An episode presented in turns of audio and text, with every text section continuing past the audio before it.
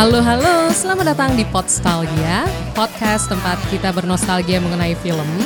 Kembali lagi bersama gue Novia dan pada kesempatan kali ini gue sudah ditemani oleh Mamat. Halo Mat. Halo. Halo. Jadi cerita dulu Mat, sehari-hari biasanya ngapain sih? Yang di film aja ya? Yang di film aja. Eh, gue sekarang eh, programmernya Kinosaurus, film Oh. programmer Kinosaurus dan bantu-bantu juga di Cinema Poetica. Itu sih paling kalau di film. Ah, oke oke oke. Tapi lebih sering di Kinosaurus. Iya, mainly jobnya Kinosaurus. Oh, oke. Hmm. Oh, berarti ada kegiatan lain ya selain film-filman ya? Iya, kalau ada yang ngajak atau freelance-freelance gitu, biasanya sih ayo oh, aja gitu. Oh, oke. Iya, iya, iya. Jadi, eh, Mamat mau ngomongin film apa sih? Eh, Nggak tahu, waktu pertama kali diajak yang terlin banyak film yang kemudian terlintas. Hmm. Karena konsepnya nostalgia, gue kayaknya kepikiran film Warkop sih, film-film Warkop lah, DKI gitu, ya. warung-warung kopi. gitu. Kenapa film Warkop? Karena gue kayaknya udah nonton semuanya. Oh gitu. Film ya. 30-30-nya ya? 34 film itu kayaknya gue udah nonton Wow. semua. Dan terus juga kayaknya kayaknya ya itu film pertama gue di bioskop gitu. Karena gue Oh masih ya? ingat banget gue nonton di wa- salah satu film warkop di bioskop itu tahun 90-an dan itu jelas banget terlintas di memori gue tuh warkop gitu. Dan itu bioskop ya maksudnya tatanannya bioskop. Dan kalau nggak salah itu di Krekot apa salah, bioskop udah nggak ada sekarang. Dan itu film terakhirnya karena salah satu adegan yang gue ingat oh ternyata emang film terakhirnya film terakhirnya mereka gitu. Jadi Hmm, jadi yang Dan- lo nonton pertama kali di bioskop Nah, dan, yang terakhir. Dan sering banget muncul di TV kan. Maksudnya setiap ada apa, misal menjelang lebaran atau apa tuh film Warkop masih ada di TV. Jadi mungkin film Warkop kali ya. Dan belakangan ini sih gue juga lagi yang iseng-iseng untuk motong-motongin eh, klip. Jadi kayak semacam klip pendeknya Warkop gitu di di semua filmnya dia. Jadi ada quotes apa yang menarik atau ada lucu apa yang menarik gue oh. Gue potong Kayak misalkan di YouTube kan suka ada tuh every misalkan ya every best picture winners gitu Hmm. Ya, terus lo ya, ya. cuplikan dari tahun ke tahun. Tapi gue kayaknya nggak nggak dijahit lagi jadi satu Oh, gitu. nggak. Kayaknya terlalu rumit. Mungkin nanti bisa dicoba kali ya. Jadi biar di Bisa YouTube sih, tapi ada. soundnya dan rasionya Ah. kayaknya susah ya karena ya kesulitannya film Indonesia kan nggak semua materinya sama gitu. Ada yang dari VCD yang potong kiri kanan atas bawah gitu kan. Ada yang udah di restore kayak sama juga bohong yang terakhir di, sempat ditayangin di CGV sama di TV berbayar Flick gitu channelnya itu yang udah rasio seperti bioskop gitu tapi kan kita kadang-kadang sering lihat di TV pun bahkan kepotong kan kiri kanan Iya, atas bawah benar Jadi, kalau mau digabungin jadi satu kayaknya agak tricky juga gitu. Dan soundnya emang belum itu ya mungkin serapi di bioskop juga ya kalau di TV ya. Kebanyakan ya. Iya sih karena ya pasti beda Iya, cha- nah, pasti. channel audionya juga. Iya. Iya. Tapi kalau uh, dari lo sendiri ada nggak sih judul favorit mungkin atau kisah warkop yang mungkin paling lo inget? Wah berat nih. gue jujur gue lupa film apa cuma gue inget banget adegan ketika Dono lagi sembunyi di kayak skit- sejenis bak mandi Hmm? terus dia nutup dan ada pipa di atasnya dia napas Oh, dari pipa. itu kayaknya kayak film terakhirnya deh. Oh itu film terakhir Kayaknya ya? ya. Dan gue lupa apa kasino kayak kasino dia masukin cicak ke dalam pipanya. Oh itu bukan film eh bukan film terakhirnya deh kayaknya. Nah itu gue gue inget banget sih. Terus lagunya ya lagu Pink Panther itu. Iya kan kayak pasti ada memorable memories gitu kan. Iya. Kalau lo warkop gitu. Film terbaik film yang paling gue suka Hmm. apa ya maksudnya gue gue tidak menganggap gini ya kalau di film tuh gue nggak selalu menganggap warkop tuh terbaik dalam hal apa pun gitu Oh, karena biar gimana pun juga agak warkop tuh tahu pasarnya mereka sendiri gitu karena kan ceritanya dulu ada jadi dulu di dia kan besar di radio kan Ya Prambors ya. Nah, terus kemudian ketika mereka mau ke film, sutradara pertama yang didatengin adalah Teguh Karya. Hmm. Nah, Teguh Karya kan kita tahu ya filmnya agak berat lah kalau kata orang gitu. Padahal dra- ya drama gitu. kan. Iya. Tapi Teguh Karya yang nyaranin untuk jangan sama gue gitu. ibaratnya. Kayaknya kalau buat lo tuh nggak cocok gitu kalau sama gue. Mendingan jangan lo kasih kayak es krim gitu, es krim mahal gitu. Tapi lo cari sutradara yang bisa ngemas. Karena warkop identiknya udah kayak es doger kan, udah kayak es cendol Iya. gitu. Jadi dia pilih sutradara lain gitu. Hmm. Dan Baik, sutradara lainnya itu? Dan sutradara lainnya itu yang biasanya waktu pertama kali itu sutradara yang eh, track recordnya itu lebih dikenal sama hal-hal yang Betawi dan Benyamin. Oh, makanya Warkop DKI kental Makanya banget, ya. Atau ada yang film Sama pertamanya kan Betawinya. juga memang Jakarta banget kan. Jadi orang dan itu semua film awal Warkop kan dari luar kota ke Jakarta gitu. dan ya ya kayak gitu. Iya, iya. Apa ya gue jadi penasaran sih. Kalau gue entah kenapa kalau Warkop tuh keingetnya yang judul yang gue inget tuh manusia 6, 6 juta dolar. dolar. Oh, Terus iya, itu kan adaptasi juga ya dari luar Iya, ya, terus iya. chips juga. Justru gue malah ingetnya itu sih. Mungkin entah yang kenapa. mungkin yang agak memorable selalu ini ya. Gue sih selalu yang mencoba untuk menantang genre lain. Mm-mm. Either itu, ya itu pertama menantang genre lain atau dia mencoba sutradara yang beda gitu. Beda Oh. dalam artian gini, misalnya eh, dia pernah ya kita bisa tahu lah eh, track recordnya Warkop kebanyakan bentukannya kayak gitu gitu. Iya, iya. Tapi mereka juga beberapa kali mencoba misalnya kayak mereka pernah disutradarin Hairul Umam yang which is sutradaranya Kejar Ladaku Kau Kutangkap. Itu sutradara yang berbeda lagi gitu, yang yang mungkin kelasnya berbeda lah gitu. Atau Ami Priyono gitu yang yang emang beda lagi gitu. Jadi mereka cukup bereksperimen sih kalau lihat filmografinya sebenarnya. Jadi kalau emang maraton gitu ya, pasti kerasa agak Kerasa, beda ya. kerasa, kerasa. Tapi kalau misalkan kita nih, misalkan kayak banyak yang baru tahu film Warkop gitu kan, mungkin lihatnya di TV dan itu kayaknya agak jarang ya sekarang. Itu banyak gak sih alternatif, maksudnya pemutaran alternatifnya kalau Warkop? Karena gue pernah inget dulu ada Misbar ya, dari Kineforum pernah muterin Warkop kan. Kesulitannya adalah eh, pertama eh, masih nggak tahu produksinya sekarang yang megang siapa sih production Oh, house-nya.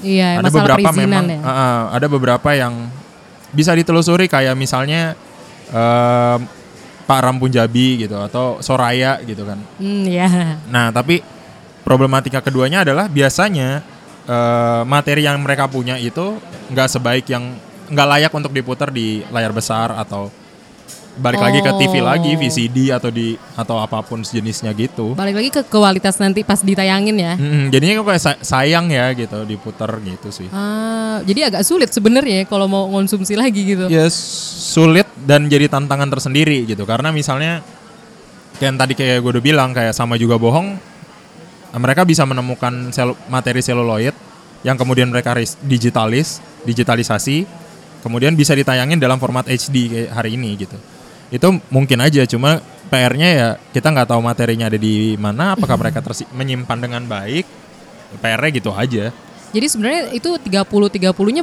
bel- maksudnya nggak ada yang benar-benar full tahu itu siapa aja yang punya. Eh, bisa Jadi ditelusuri. Ah, oke. Tapi eh, balik lagi materinya yang mereka punya apa? Bisa ditayangin atau enggak?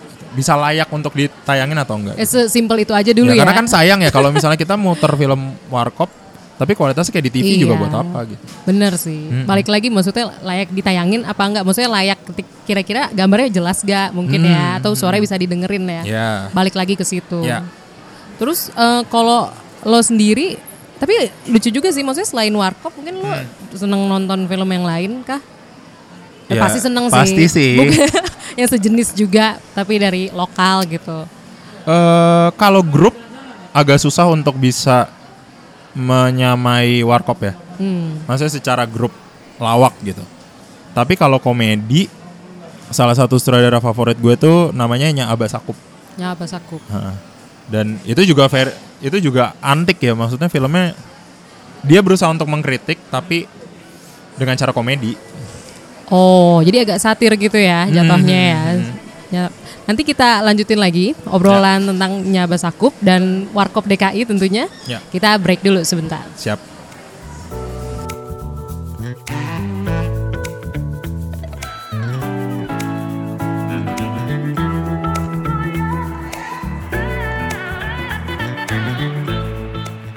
Oke, kembali lagi bersama gue Novia dan Mamat. Jadi balik lagi ke Nyaba Sakup mungkin ya. Kalau Ya. Nyaba Sakup sendiri lo eh, mungkin ada film yang mungkin lo suka spesial dari karyanya Nyaba Sakup. Dari Nya Abas Sakup ya. Iya. Tapi film yang ya komedi sih. Tapi film yang gue suka dari Nya Abas Sakup itu ada film judulnya Ambisi. Ambisi. Itu tahun 7 tigaan kalau nggak salah. Eh, yang main Bing Slamet Mm-mm. sama Benyamin. Ceritanya sederhana sebenarnya. Jadi ada seorang penyiar radio yang kemudian kenal dengan salah satu eh, nggak tahu remaja, ya remaja putri lah gitu ya. Kemudian remaja putri ini punya suara yang bagus gitu. Dia ingin menjadi eh, bintang-bintang lah gitu. Hmm. Nah, Bing Slamet ini kemudian mencoba mengorbitkan si penyanyi eh, si penyanyi ini, calon bintang ini. Nah, yang menariknya adalah di film itu meskipun kisahnya sesederhana itu tapi diselingi sama eh, video klip. Oh ya. Jadi bayangin di tahun 70-an orang datang nonton film itu, tapi juga dia nonton video klip di layar besar gitu. Oh oke. Jadi ya di di iniin dihubungin sama eh sama profesinya si Bing Slamet di film itu sebagai penyiar radio. Jadi ketika dia muterin eh, lagu langsung ada video klip gitu misalnya.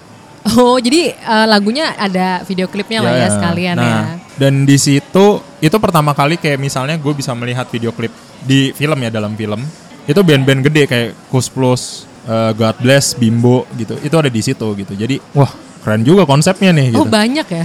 Banyak banyak nggak cuma satu dan nama-nama besar dua. juga kan waktu itu. Iya. Oh dikirain cuma penyanyi yang cewek tadi aja. Enggak ternyata. Oh enggak. Ya ternyata tiba-tiba dan masing-masing dua lagu. Oh. Jadi ya Ghost Plus dengan formasi itu yang menarik God Bless formasinya bukan God Bless di album pertama gitu. Jadi ketika album pertama tuh God Bless tuh sebenarnya udah band panggung kan, ma- manggung di beberapa panggung festival gitu. Nah, di situ formasinya berbeda, bukan formasi se- bahkan sebelum album pertamanya rilis gitu. Oh gitu di Jadi menarik. film itu ya.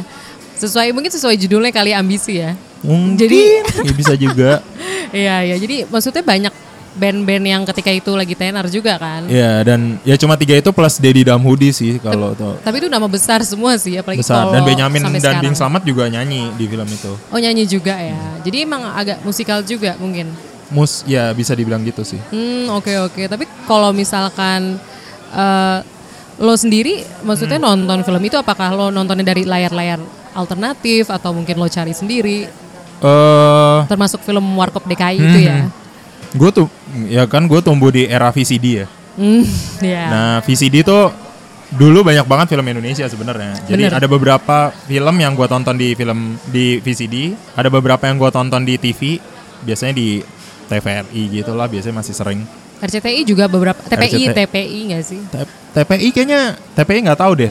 Soalnya TPI dan kepala gue tuh identik sama dangdut gitu, quiz quiz dangdut gitu kan. Iya iya iya iya. Terus, nah setelah itu kemudian ada beberapa film yang kemudian gue penasaran gitu. Jadi yang, oh gue tahu ada film ini tapi gue belum pernah nonton. Nah kebetulan waktu itu gue magang di Kineforum.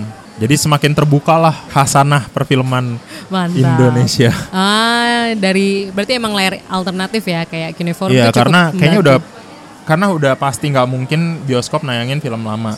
Itu udah pasti. Film Indonesia klasik tuh udah, udah susah gitu. Iya, agak sulit ya. Mungkin Sulit. judulnya juga terbatas juga. Judulnya terbatas, teknisnya mungkin sudah tidak update yang film-film lama dan harus ada proses untuk penga- eh, pembaruan juga terhadap materinya, izin, terus juga masalah apakah bisa balik modal. Iya, itu. Nah, itu, itu sih. PR. Apalagi sekarang bioskop makin banyak kan, pasti Ya. persaingan makin kenceng. Hmm, Pasti juga mikir ulang lagi sih buat muterin film-film lama Iya. yang mungkin penikmatnya juga ya penasaran juga jadinya Terbatas. kayak kemarin kan sempat ada trial untuk nggak trial sih, mereka mencoba untuk memutarkan film lama ada isi flick ini kan, pengabdi setan yang lama sama sama juga bohongnya warkop. Tapi penasaran juga sih jumlah penontonnya berapa.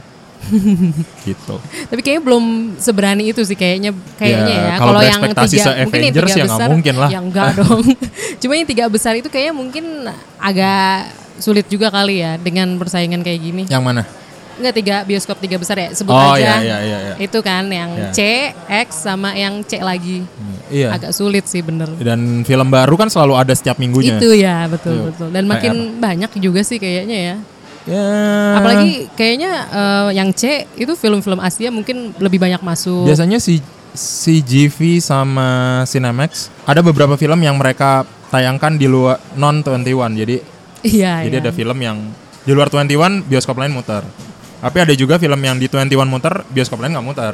kayak mungkin Flix juga ya terus banyak Ya. kan sekarang terus eh, kita balik lagi nih ke Warkop Hmm. lo sendiri eh, udah nonton Warkop yang Reborn yang satu dua Nonton, Nonton. Dua-duanya nonton. nonton, nonton. Terus kalau lo sendiri, mungkin perasaan lo ketika nonton Warkop DKI Reborn apa? Apa lo langsung keinget beberapa adegan yang ada di Warkop DKI lama atau mungkin lo mungkin punya pendapat Gue sebenarnya agak nggak menger- mengerti sih. Mem membrandkan warkop tuh nggak bi- menurut gue agak tricky ya karena itu udah melekat sama masing-masing karakternya gitu. Eh, Casino ya just as being Casino gitu. Meskipun kayaknya kelihatannya film ini mencoba untuk mereka mencoba untuk mencari Casino tuh seperti apa sih kemudian dibikin ulang gitu dan jadinya kan ada beberapa adegan yang ya itu karena membangkitkan memori lo aja gitu tapi sebagai sebuah film jadi aneh gitu jadi absurd gitu gue malah menikmati bloopers bloopersnya sih dibandingkan filmnya gitu Oh, di bagian akhir gitu ya. Iya. Jadi sebenarnya uh, mungkin agak maksa juga jatuhnya ya. Apa gimana? mungkin ya nggak tahu sih pemikiran pemikiran orang-orang di belakang layarnya sih Tapi mungkin emang salah satu tujuannya ya buat nostalgia aja kali ya. mungkin selain mencari keuntungan lah ya udah Iya, pasti uh, karena penontonnya banyak kan. ya Sangat tapi penasaran juga sih gue sama warkop yang lagi diproduksi ya Oh iya ada lagi ya, ada lagi. satu lagi ya. Itu kan fase yang mereka mencoba untuk membuat fase yang sebelumnya. Jadi kalau gue sih memandang warkop itu selalu gue bagi tuh. Misalnya jadi fase warkop ketika mereka masih mahasiswa, ceritanya masih mahasiswa. Jadi ya mahasiswa lah, as being mahasiswa di kampus. Terus ada yang tinggal sama-sama di rusun tapi tetap masih kuliah. Kalau yang kuliah berarti masih berlima ya? Enggak, kalau di film mereka selalu berempat oh, yang paling banyak. kuliah emang dari awal pun udah Ber- bertiga ya? Berempat. Oh berempat dulu. Jadi film pertama mereka berempat. Mm-mm. Kemudian salah satu personelnya Nanu main film di kisah cinta Rojali dan Zuleha itu. Nah terus nggak tahu ada gimana konflik atau apa atau Nanu nyaman sendiri atau gimana ya akhirnya memutuskan mereka bertiga gitu. Jadi Nanu terus dan kebetulan Nanu umurnya nggak panjang kan. Oh, Jadi dia iya. meninggal duluan. Mm-mm. Setelahnya ya udah bertiga gitu. Jadi yang ident ya yang kita kenal ya bertiga tapi sebenarnya kalau di radio kan rame.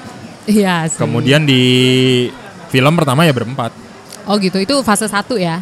Fase satu dan mereka mencoba beberapa di film-film awalnya mereka mencoba untuk menggantikan peran Nanu gitu dengan orang lain dan itu kelihatan misalnya dengan ada Dorman, Borisman ada di situ atau ada sempat ada Mat Solar di situ juga. Jadi mereka tetap mencoba untuk berempat tapi ya mungkin nggak nggak berhasil atau gimana ya. Jadi bertiga aja dan itu fase satu biasanya yang eh, kuliah. Terus fase kedua yang eh, mereka sebenarnya ngontrak bareng. Jadi kan ada tuh fase-fase yang warkop tinggal sama cewek-cewek dalam Oh. satu atap. Nah itu Itu dan fase dua, Itu bukan? masih masih yang dewasa dewasa yang ya masih dewasa dewasa muda gitulah ya Iya. gitu. Fase terakhirnya ya fase-fase filmnya Soraya yang udah praktis yang paling gampang diingat ya zaman Indro udah gondrong botak itu aja. Udah yang tinggal masih da- tinggal dalam satu rumah tapi kita nggak tahu kayak pemilik rumahnya siapa dan segala macam. Ya pokoknya fase-fase terakhir itu anggap gue selalu menganggap fase yang ya ketika Indro udah rambutnya udah kayak gitu aja. Oh, itu itu penanda ya? Penanda, penanda. Feel-nya beda juga soalnya. Oh oke, tapi tapi pasti tentu di setiap fase lo pasti seneng lah ya. Maksudnya ada bagian yang lo seneng juga mungkin. Apa lo mungkin lebih suka yang ketiga karena mungkin lebih sering diputer. Sebenarnya semua ha- semuanya hampir sama. Eh, cuman gue nggak tahu ya, gue merasa kadar kritiknya Warkop tuh masih lebih kental di fase-fase mereka awal. Satu ya, Di satu, yang di mahasiswa. kedua dan segala oh, macam. Oke. Tapi itu tidak tidak utuh sebagai sebuah film ya.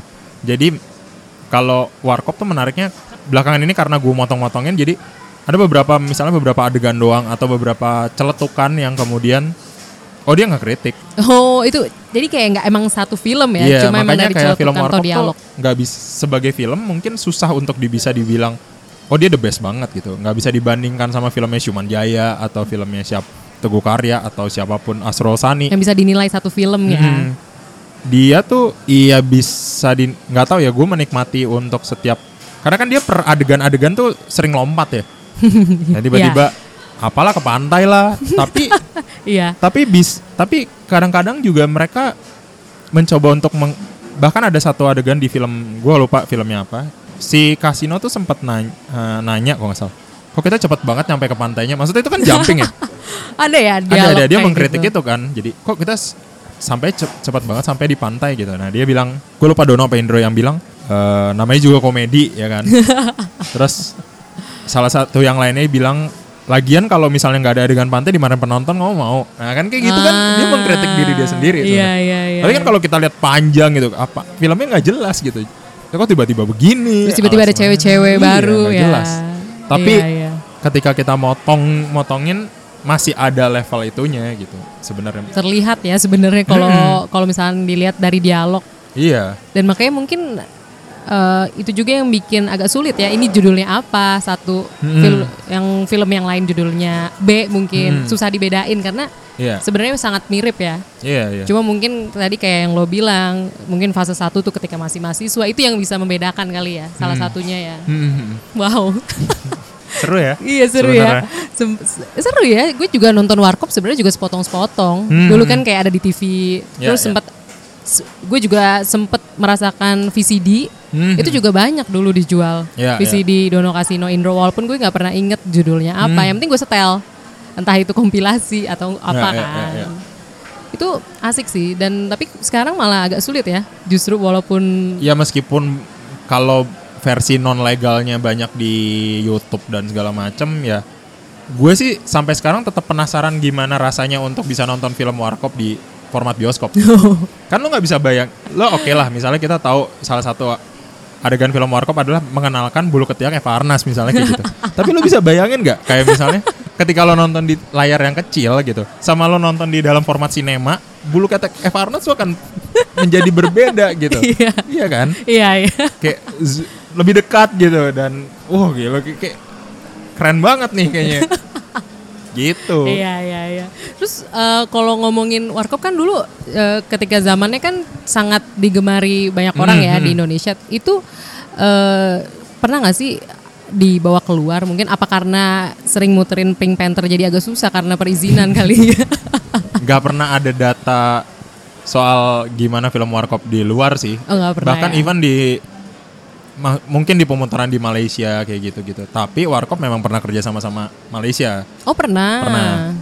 Kalau misalnya ingat tuh yang itu judulnya jodoh boleh diatur atau jodoh bisa diatur, yang itu kerja sama Malaysia itu sutradaranya oke tuh eh, Ami Priyono kan. Nah ceritanya itu yang kalau ingat itu yang eh, pertama kali ke kontak jodoh, terus Dono suka sama orang Malaysia sebenarnya. Oh gitu. Nah orang Malaysianya ini kemudian nggak jelas kan eh, menghilang dan segala macam. Kemudian Dono dititipkan anaknya si eh, cewek ini. Namanya si Montok apa? Jadi udah punya Rio anak ya? Sri- si Montok. Nah, terus ya pokoknya di dan si cewek ini orang artis Malaysia. Oh emang emang karena kolaborasi juga ya. Hmm, dan ternyata dia sudah bersuami kan, bersuami kan orang Malaysia. Nah kemudian dibawa ke Malaysia. Jadinya mereka bertiga ke Malaysia. Oh Dan mungkin makanya. itu Warkop Reborn yang pertama menjelang yang kedua, mereka ke Malaysia kan. Iya iya iya. Gitu. Yang kepotong ya. Gue nontonnya Ah. satu doang tuh di airport kan ke Malaysia. Iya. Ah iya, emang banyak ya berarti ya dari Warkop Reborn tuh ngambil beberapa potongan-potongan itu aja sih. Iya itu motong bener-bener motong ada signature signature filmnya Warkop. Iya ya per film ya mungkin kayak Iya. apa pas bagian chips mungkin kan ada yang motor juga kan. Heeh. Itu biar keinget Nyebur di kali itu kan sering banget Iya iya dan ini ke Malaysia ya. ke Malaysia. Itu spesifik banget sih kenapa harus ke Malaysia ya. Kayaknya di film-film Warkop lain mereka nggak keluar negeri deh. Paling nggak ke pantai sama ke hutan gitu doang. iya sih. sama camping waktu itu pernah ada yang camping juga. Oh makanya gue juga agak mikir sih di bagian akhir Warkop DKI Reborn kenapa ke Malaysia gitu. Hmm. Karena mungkin itu juga kali Gitu. ya salah satunya. Dan itu ada yang ada oh ada dia di pantai tapi nggak ada kalau nggak salah di Nggak film itu nggak ada adegan cewek seksi di pantai justru. Oh nggak ada nah nggak film ada. itu salah satu film yang menurut gue ceritanya cukup lurus gitu di, di film Warkop gitu. Karena dan itu salah itu film tersedihnya Warkop.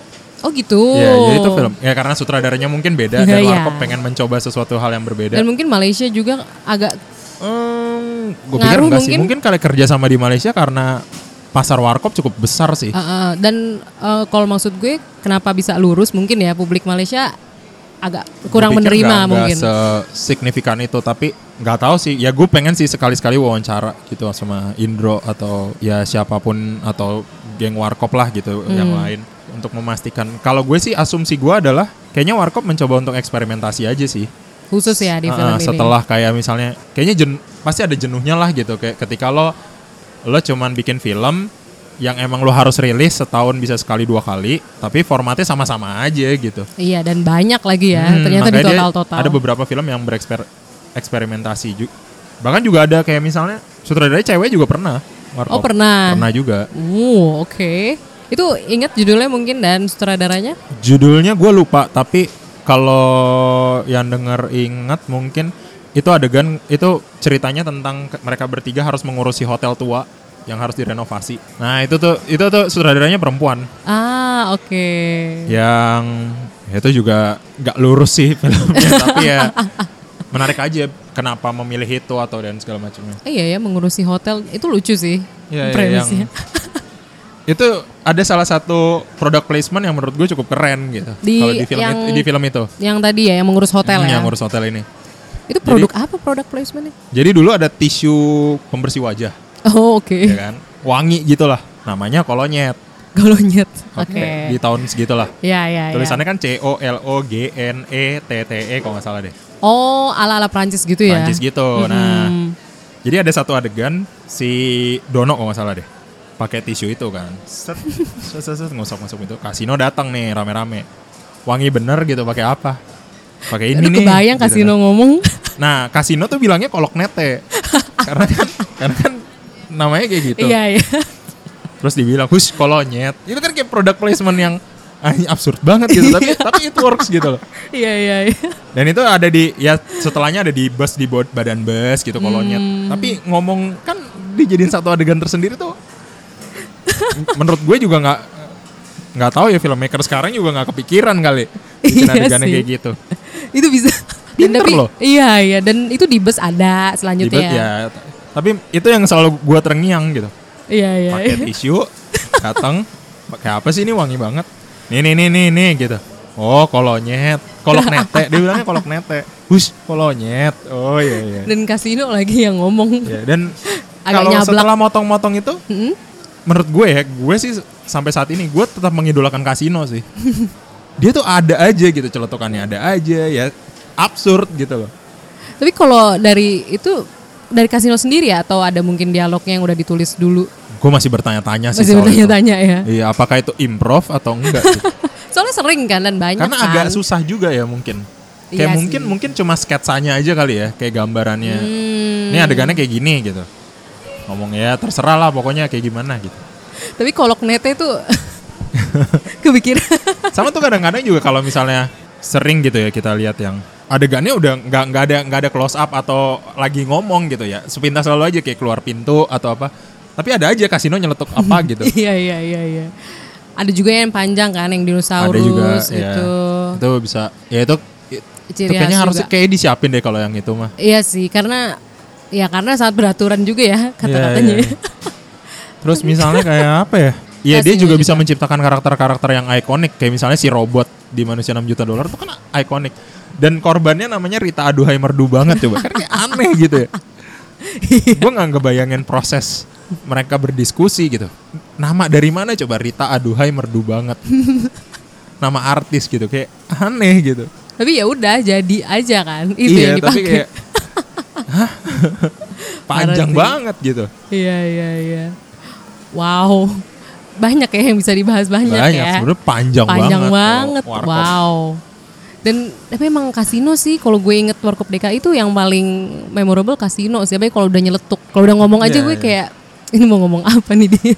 gawat banget itu tapi mungkin itu karena mereka memang tumbuh di di radio ya Oh, maksudnya iya. Emang nggak tahu mungkin kayak stand up komedian hari ini gitu tapi ini grup gitu jadi jadi tektokannya juga nyambung gitu Bener, apalagi udah dari lama juga kan. Ya, dan mereka orang-orang pinter semua kan iya. sebenarnya Pinter dan mereka juga udah lama jadi Iya, tim iya. juga pasti ya mungkin lebih luwes ya ketika Iya, di film. ya kalau lo dengerin radionya lebih gila lagi sih sebenarnya Oh gue belum pernah denger sih. nah lo harus coba denger deh itu tuh Ah, lebih berani dan mungkin level kekritisannya lebih kelihatan gitu di radio. Nah, kalau film mungkin mereka harus mikirin pasar dan segala macem ya Iya sih, Mm-mm. bener-bener. Kalau radio mungkin karena sehari udah lewat ya kan, nggak ada yang diputar ulang kan, jadi. Iya. dia nyerocos aja. Apalagi Iya. kan dulu nggak kayak sekarang kan, sekarang kan gampang, mungkin bisa ada dokumentasinya nanti dia Ya ngomongnya sayang apa. banget ya. Behind the scene, behind the scene gitu kayak ya kalau zaman dulu susah juga iya sih ya. Ya soalnya yang Peralatan. filmnya yang apa? Yang bisa ditayangin di bioskop aja kan masih agak susah juga kan. Maksudnya yang kira-kira gambarnya masih oke. Iya. Belum lagi problematika sekarang nggak tahu adegan pantainya dihilangin kali malah Oh, pakai iya? sensor. Iya bener-bener. kayak makin mundur aja kita gitu kayak dulu mah bodo amat ya ya udah nonton aja itu kan sering banget kalau misalnya kita kayak lu film Indonesia makin ada yang komen gitu ya julid-julid gitu kan aduh film Indonesia makin makin parah nih gitu-gitu nggak usah mikirin film Indonesia urutannya panjang gitu lo cek aja film Warkop itu ditayangin di bioskop loh ditayangin di bioskop ditayangin di layar tancap emang Iya. setelah itu re- banyak kriminal kan nggak juga Enggak. iya Iya ya. pasti di blur atau ya dipotong kali Dipotong sih kayaknya sih. Kalau di blur kelihatan lah masih. Ya, ya. Oke, thank you banget Mamat Siap. udah banyak sharing-sharing soal Warkop ini dan gue jadi ngeh banget gue banyak banget belum nonton film Warkop. Ya, thank ya, you ya. banget. Dan mungkin buat teman-teman yang mau apa eh, kontak Mamat mungkin di Hmm. medsos, mungkin Mamat bisa dihubungi di mana? Waduh. Di at apa gitu handle at Twitter. Alexander Matius. Alexander Matius ya. Terus buat teman-teman yang mungkin mau kasih kritik, saran atau komentar buat Podstalgia bisa langsung mention ke Instagram dan Twitter di @podstalgia atau langsung email ke podstalgia@gmail.com. Oke, sekali lagi thank you banget Mamat. Udah sharing sangat banyak dan luas sekali soal Warkop dan beberapa uh, pengetahuan lah ya soal film-film Indonesia yang lama ya. Terus eh, terima kasih untuk teman-teman Podstalgia yang sudah mendengarkan hingga titik ini dan sampai jumpa di episode selanjutnya. Bye bye.